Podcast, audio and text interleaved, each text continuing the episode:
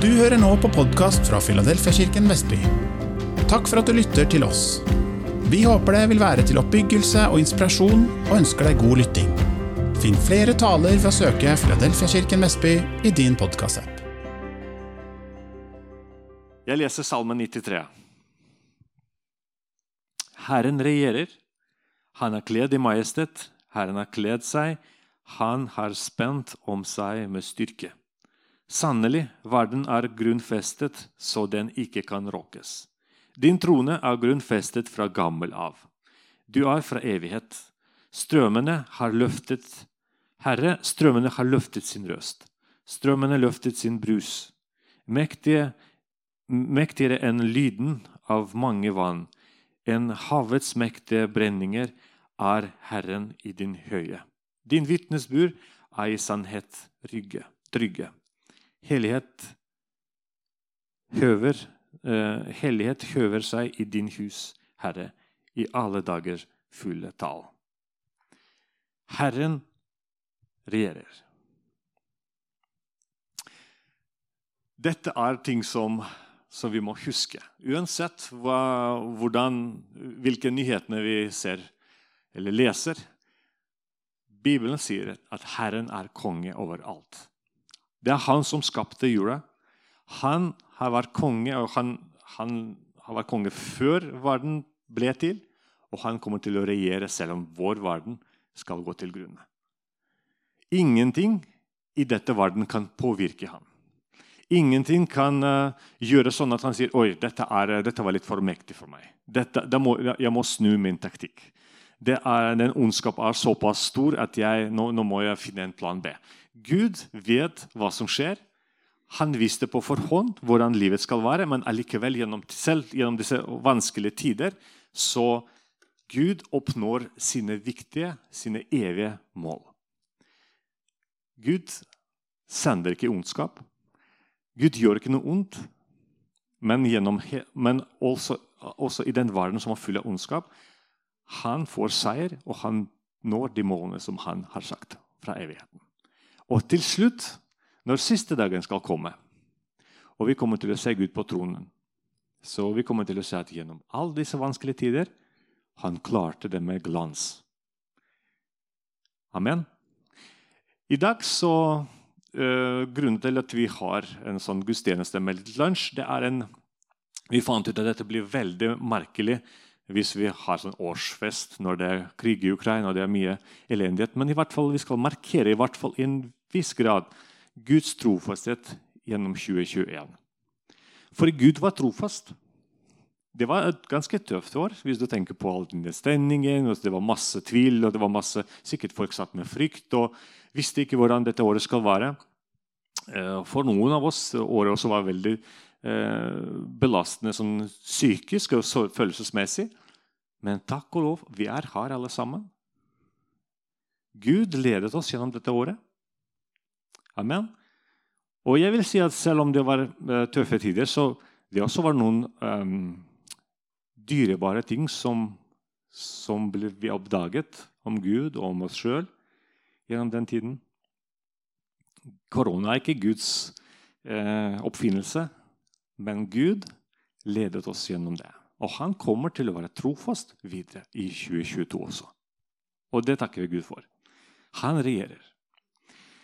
Og han kledde seg det står skrevet her, han har kledd seg i en sånn kappe av hans høyhet, av hans kraft. Spent seg om beltet om livet. Han er klar. Han er klar. Han, han ikke sitter i sofa og bare slapper av.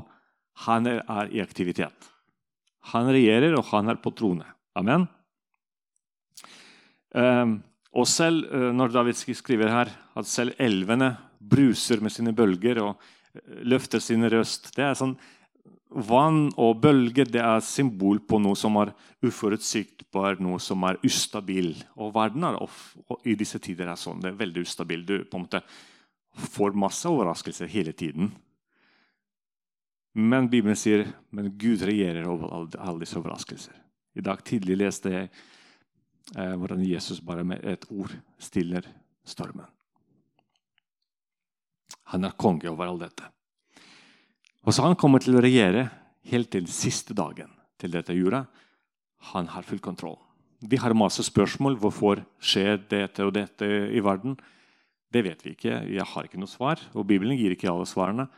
Men det Bibelen sier, stol på meg. Jeg har kontroll uansett. Og det skal vi stole på.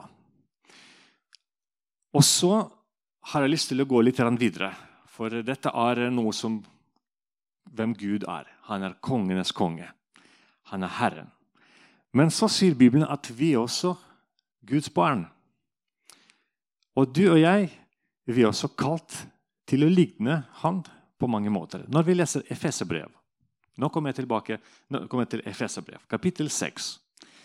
Forteller Bibelen også om hvordan vi skal møte utfordrende tider. Hvordan skal vi møte eh, forskjellige kamper, forskjellige ja, ting som skjer i verden. Også I Efesebrev 6, fra vers 10 Jeg skal lese vers etter vers og bare stoppe etter hvert, hvert vers. For jeg syns dette er veldig viktige ting som er her. Til slutt, sier Paulus, bli sterke i Herren, i Hans veldige kraft. Dette er Guds oppfordring, altså det Guds vilje for oss, at i den tiden vi lever i, at vi skal være sterke. Livet ofte kan prøve å slå oss ut av sporet, og man kan bli skjelven flere ganger. Men Bibelen sier at 'jeg har styrke til deg til å møte denne dagen i dag'. Du kan være sterk. Og jeg tror flere av oss vi kan vitne at Gud ga oss flere ganger styrke når vi hadde behov for det. Når vi er i å falle, så plutselig kom Guds hånd. Guds, Gud rakk sin hånd og så styrket oss. Så uansett om vi får dårlige nyheter, om vi hører om smittefare eller sykdom i huset, så sier Bibelen vær sterk, for jeg er med deg. Jeg har lyst til å være med deg, jeg har lyst til å hjelpe deg. Du har Gud. Du har meg. Amen. Det er ikke slik at vi slik at vi skal være sterke i oss sjøl, for dette høres ganske slitsomt ut. Og det sier ikke Bibelen heller. Bibelen sier 'bli sterke i Herren'. I Herren. Er, det er ved Hans kraft vi klarer til å møte alle disse utfordringer. Det er ved Hans veldige kraft vi kan stå fast stå stødig. Guds kraft, vi kan få Guds trøst, Guds visdom, Guds fred. Og vi kan overlate våre bekymringer til Gud. Og vi kan være modige ved tro på Han, på Hans løfter. Og så kan vi regne med Hans hjelp hver dag. Vers 11 sier følgende.: Ta på Guds fulle rysting, så dere kan stå dere mot djevelens listige grep. Dere kan stå imot deres, djevelens listige grep. Og eh, du vet, Prøvelser som jeg allerede nevnte, kommer ikke fra Gud. Sånn, det er Ondskap kommer ikke fra Gud. Gud prøver ikke oss med noe ondt. Det fins en djevelen som prøver å dra oss fra Gud, dra oss fra hans nærvær, for å ødelegge for å lure oss, lure oss bort fra Gud. Og det er eh, Dette er hans strategi, strategi, det er hans taktikk. Han kan gjøre det ved, ved at han frister oss til å synde, til å eller på en måte skape tvil, at vi, eh, at vi tviler på eller mangel tillit til Gud. Eh, og andre måter. sånn man, Vrang teologi kan også lede oss bort fra Gud etter hvert. Så det er mange måter hvordan djevelen kan, kan, prøve å dra oss bort fra Gud. Men vi må huske at når vi er sammen med ham, når vi er Guds nerver, da er vi trygge. Vi er i Ham, og da har vi Guds kraft. Så Bibelen sier at ja, djevelen prøver med forskjellige listegrep å ta oss bort fra Gud. Men derfor skal vi ta på oss Guds rustning. Hva det vil si å ta på, Guds, på oss Guds rustning, det skal jeg si litt senere. Men først så vers 12 så sier, fortsetter Paulus at vår kamp ikke mot kjøtt og blod, men mot makter og åndskrefter, mot verdens herskere i dette mørket, mot åndens ånd, eh, ånd her i himmelrommet. Det finnes kamper som vi er ikke dessverre, kanskje, dessverre er nødt til å ta. Du vet, Det finnes to muligheter. Man kan tilpasse seg eller akseptere alle endringer som skjer, eller man kan stå imot. Man kan, man kan kjempe mot det. Og Bibelen sier at som Guds barn så vi, ha, vi må ha en, en, en stødig, eh, stødig sinn. At av og til så må vi stå imot. Av og til så må vi, vi utfordres til å ta disse kamper. Når det gjelder f.eks. Eh, alle disse endringene som skjer i samfunnet. Eller rett og slett når, når du føler at f.eks. dårlige nyheter kommer, og man, man blir trukket ned. Man kan velge å være nede, eller man kan rope til Herren og så finne gleden tilbake. Finne Guds hjelp. Finne løfter som kan, stø, som kan oppmuntre meg selv i disse vanskelige tider.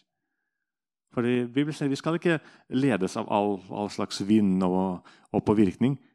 Vi kan alltid søke Herrens påfyll, Herrens løfte, Herrens råd i all situasjon for å surfe over alle disse bølgene som er rundt oss. På den måten så er vi da, da er vi i kamp. Og hva er lyset i mørket, f.eks.?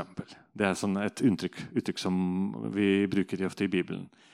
Eh, når vi egentlig møter hverdagen med det motsatte. Jesus snakker veldig mye om det. Det høres litt vanskelig innimellom å forstå. Han sier at når vi blir forfulgt, så velsigner vi tilbake.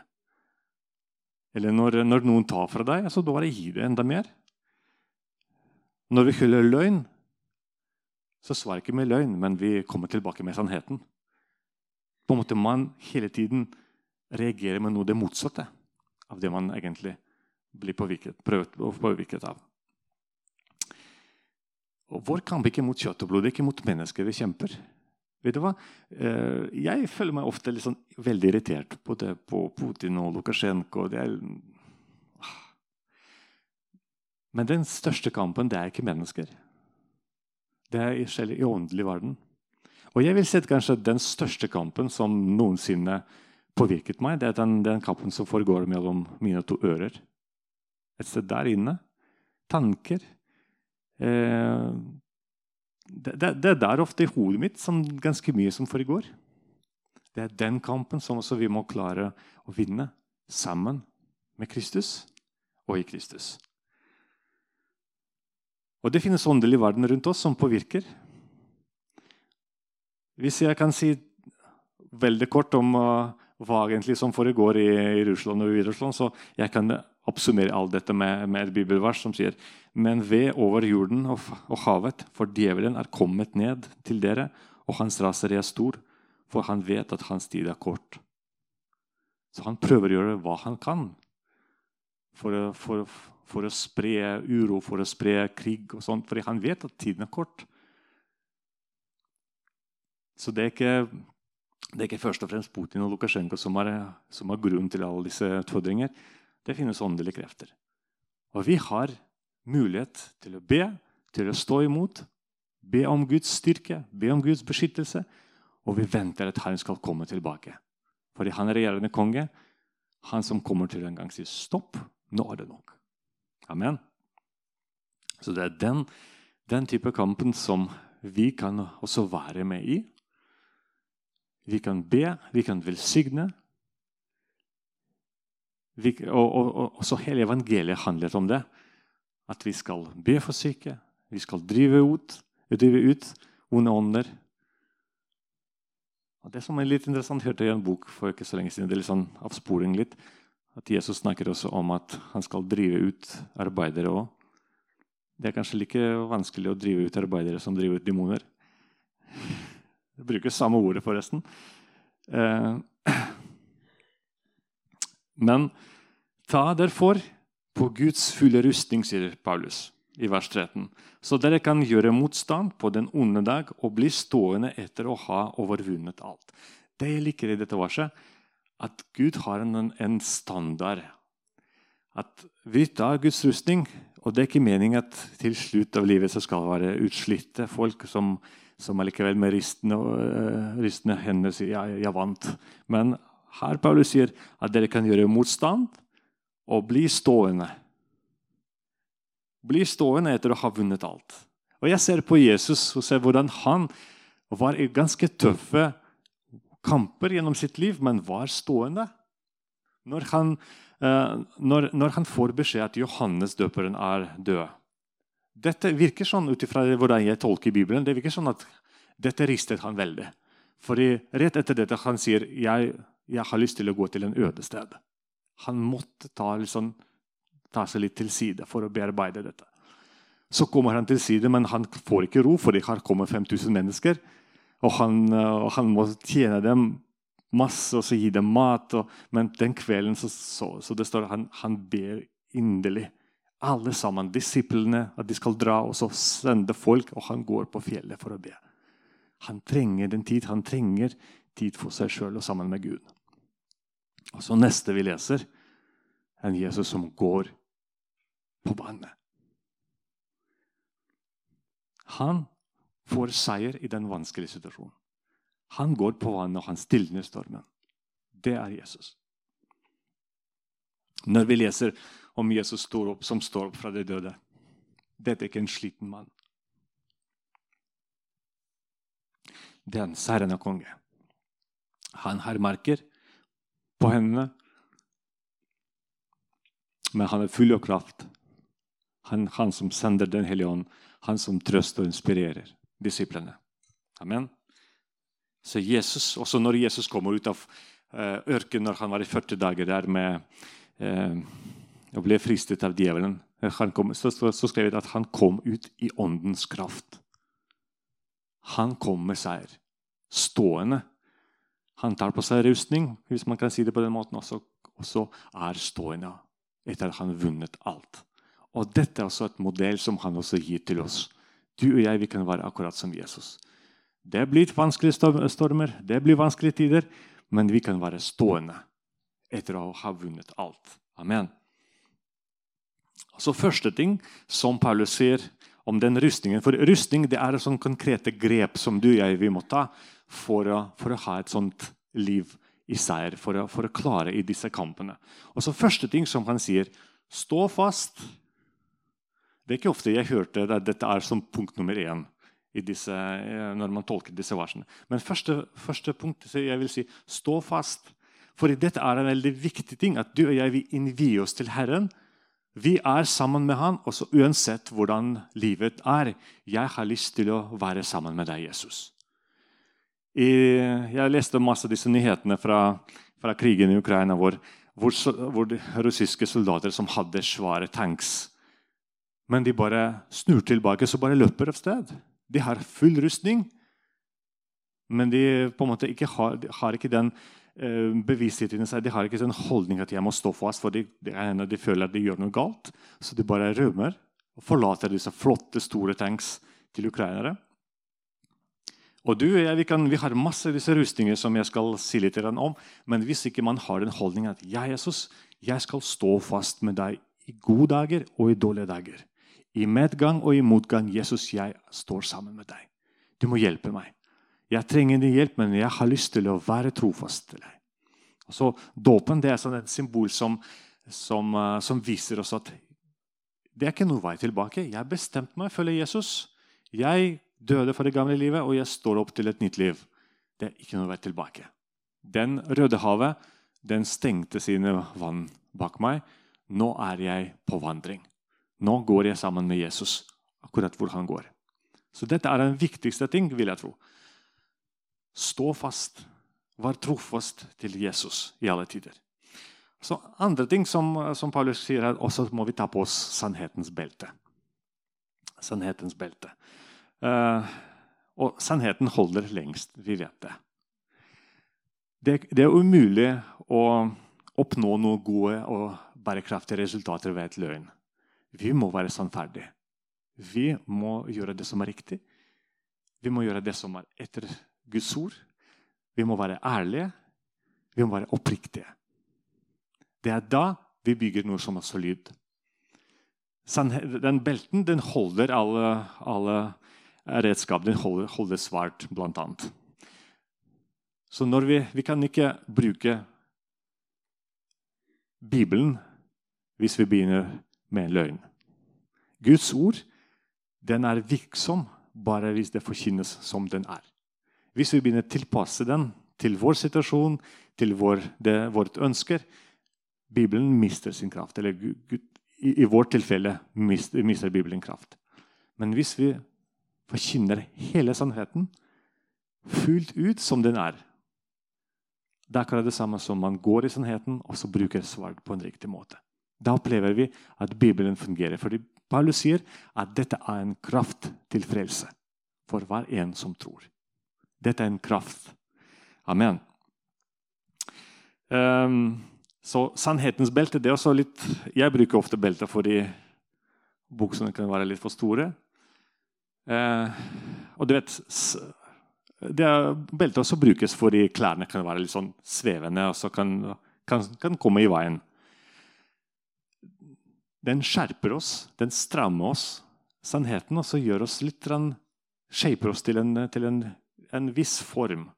Det finnes så mye ting, ting og tang rundt oss hvordan vi skal tenke om ting. Hvordan vi kan Pluralisme om alle andre ismer rundt oss. Guds sannheten hjelper oss og veileder oss til å forstå hva er veien. Hva er veien? Hva som er riktig? Og ikke være dobbelthjertet og, ha dobbeltsyn, men å, å, være skarp og gå dit hvor sannheten viser veien. Amen. Rettferdighetens bringe det er en spennende ting det er andre ting som, ting som Paulus sier. At vi som, som, som, er i åndelig krig, vi skal ha på oss rettferdighetens bringe. Bringe den beskytter oss fra eh, beskytter hjertet og andre livsviktige organer mot hogg og angrep med sverd, spyd og pil og osv. Og djevelen kommer til å forsøke å angripe noe av det eh, essensielle i vårt liv er du sikker at du er frelst? Vet du virkelig hvem du er? Å bringe dette er en Jesu rettferdighet. Bibelen sier at han ga meg den, den plag. Det er hans rettferdighet. Jeg er rettferdig ikke fordi jeg gjør ting, alt, at jeg gjør ting riktig, men fordi Jesus har rettferdiggjort meg. Han, han gjorde meg ren så uansett at jeg, jeg kan skuffe meg sjøl, så vet jeg at det er ikke min rettferdighet som teller i mine relasjoner med Gud, men det er Jesus' rettferdighet. Hans rettferdighet.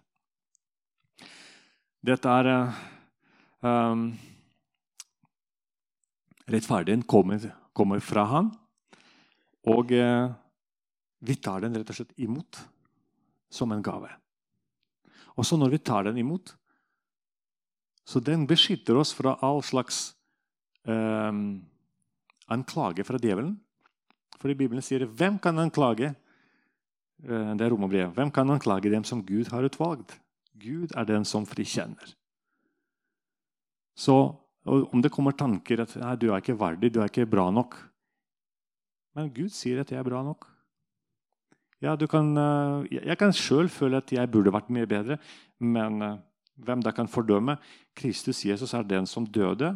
Ja, men mer enn det. Han står på, sitter ved Guds høyrehånd, og han ber for oss. Ja, jeg er kanskje ikke helt fullkommen, men jeg har en som ber for meg. En som er alltid på min side. Så gå bort, djevelen. Jeg vet hvem jeg er i Kristus. Bringe det ikke en del av min natur. Det er noe som jeg tar på seg. Så det kan hende at bak den bringen er jeg ganske myk og sårbar. Men den bringen, det er den som gir styrke. Det er den som gir den, eh, Det er den som gjør meg skuddsikker. Amen. Og det er Jesu rettferdighet, ikke min rettferdighet. Og så sier Paulus videre, og så skal vi stå klare med fredens evangelium som sko på føttene. Og det, vi, det, er det vi snakker om på forskjellige måter her. Ja, det er ting som skjer rundt oss, men vi skal gjøre det vi er kalt til å gjøre. Vi har, vi har evangeliet å forkynne. Vi skal møte mennesker med de behovene de har, fra Ukraina fra andre steder. Vi skal leve som Jesu disipler i den tiden som vi er i. Vi kan ikke gjemme oss og oss, eh, sitte en, eh, et sted inne, innestengt. Vi har et oppdrag å gjøre. Å forkynne evangeliet. Du vet, um, Alle mennesker etterlater spor etter seg. Og så går du barbeint, så etterlater du også spor på sanda. Men, men, Jesus sier, 'Ta på deg evangeliet som sko'. Da etterlater du helt annen type uh, fotspor. Hvordan du og jeg har lyst til å bli husket når vi dør eller avslutter vårt liv. Hvilke fotspor skal vi etterlate? Vi kan etterlate ganske fine våre egne fotspor. Eller så kan vi etterlate evangeliets fotspor. Vi kan fortelle veldig mye om oss sjøl til hverandre rundt oss. Eller så kan vi så mennesker som kommer til å huske oss, kan si dette var virkelig Jesu etterfølger. Dette var Jesu disippel. Gjennom han fikk jeg se Jesus. Det er sånn fotspor har jeg lyst til å etterlate. Derfor har jeg lyst til å ta på meg evangeliets sko. Så når jeg går, så får, får, disse, sko, eh, får disse, fotsporene bli værende. Og så, du vet, Når vi forkynner evangeliet, dette er egentlig veldig bra for oss, fordi vi sjøl kommer i balanse. Du vet, Når du har sko på deg, så er du litt, da du står litt stødig. Og så Når du forkynner evangeliet jeg, jeg opplever det som du vet, Dette er en velsignelse å preke her. Vet dere hvorfor? Fordi mange ting som jeg tror på, så jeg også må bearbeide før jeg forbereder meg til preken. Ting blir klarere og klarere med hvert år for meg. forhåpentligvis. Men jeg, jeg, har samme erfaring når vi spør folk om, om å vitne herifra. Forresten, hvis du har lyst til å vitne i gudstjeneste, meld deg på. Fordi vi trenger flere. Men når for jeg forbereder meg til å vitne hva Jesus gjorde i mitt liv, så går du gjennom ditt livs historie. Så plutselig oppdager du Jesus på en helt annen måte. Da blir, mest, da blir den budskapen av evangeliet veldig personlig, konkret. Som ikke bare du forstår, men også mennesker forstår bedre. Og så Når vi snakker med, med mennesker om Jesus, vi må gå gjennom disse vanskelige teologiske ting og gjøre dem, og så bryte dem ned til et sånt nivå så folk forstår, og jeg forstår først og fremst. Dette er en fantastisk erfaring. Fantastisk erfaring, fordi Når folk kommer til deg og spør ja, men hva betyr forsoning, altså, hva skal jeg si? Så kommer du hjem og tenker jeg må tenke litt sjøl. Hva, hva, burde jeg egentlig svare på det? Så begynner du å tenke litt sjøl, og så studere sjøl, og så finne ut, og så prøve å bryte ned til det nivået som du sjøl forstår. Og så da kommer du tilbake. vet du hva, Nå vet jeg. Jeg kan fortelle deg hva det er for noe. Vet du hva? Og da ofte disse unødvendige teologier som kirker fullt av, ofte blir borte fordi du ser at dette er ikke viktig for frelse i det hele tatt. Det er ikke det som disse menneskene trenger å høre nå. De trenger å vite om Jesus, som har døde for dem, som elsker dem og som har lyst til å frelse dem. Og dette andre, om, dette blir, om det blir amillenarisme eller postrevolusjonisme sånn Det er forskjellige sånn ismer som ja, Daniel smiler. Om Jesus kommer før, før, før antikrist eller etter antikrist, f.eks. Det er ikke så viktig. Mennesker trenger frelse. Ikke sant? Og så, da, da, får du på en måte, da blir ikke det en som har et svart hode, som er der i himmelen, men, men, folk forstår ikke hva egentlig du snakker om. Men du blir en person som folk forstår deg, og de ser at det, din tro har en praktisk, uh, har en praktisk, praktisk betydning. Så ta evangeliet på føttene. Det gjør oss jordnære og effektive. Amen. Og så troens skjold. Dette er også veldig interessant. Eh, her må jeg si jeg, jeg gjorde litt dårlig hjemmelekse, så øh, kanskje jeg bruker litt ah, Ja, slokket sto det i 18 eh, i, i 1988-oversettelse. At skjold som dere kan slokke alle den ondes brennende piler med.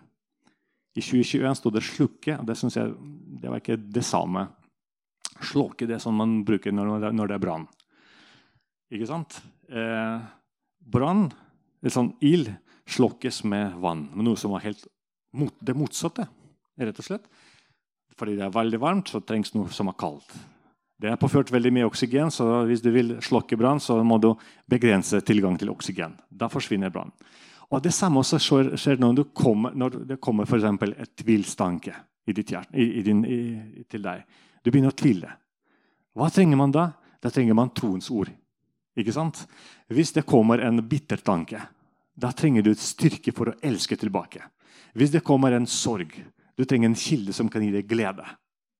Ikke sant? Det er, det, det er den skjold som troens skjold. Når vi tror på Gud, når vi vet hvor vi skal søke svar, så finner vi det vi trenger. Vi finner noe som kan kjempe imot det negative som vi opplever.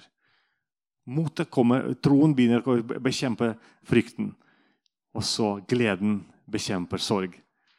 Og eh, en bestemt syn kan også bekjempe noe hvis man er i tvil på noe. Så, eh, og dette finner vi hos Gud når vi er sammen med ham, når vi leser Guds ord. Så, så bygges troen vår opp. Da får du løfter som du kan bruke for å bekjempe. Jeg går raskt til avslutning. Det var veldig mye som, uh, som allerede jeg har sagt til dere. Men sånn, jeg, må, jeg, må, si nesten om frelseshjelm. Dette er, uh, Å bruke hjelm, det er uh, det er veldig ja, det, det, det er en mote som man sånn, Det er noe som man snakker om ofte. Er du, kjører eller sykler du, så bruk hjelm. Er du, er driver med ishockey, bruk hjelm. Det er litt nytt for meg. Jeg vokste opp uten hjelm. Så min første hjelm fikk jeg da jeg var kanskje over 25 år. Um, men i krigen så det er kanskje lurt å ha et hjelm da. For Hjelm det på en måte assosieres hos oss med trygghet. Det er noe som gjør meg trygg, som, som beskytter meg.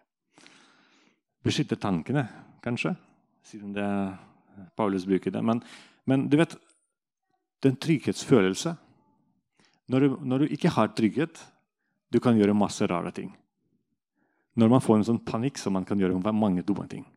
Men når du føler at du er trygg, der står du, der står du stødig.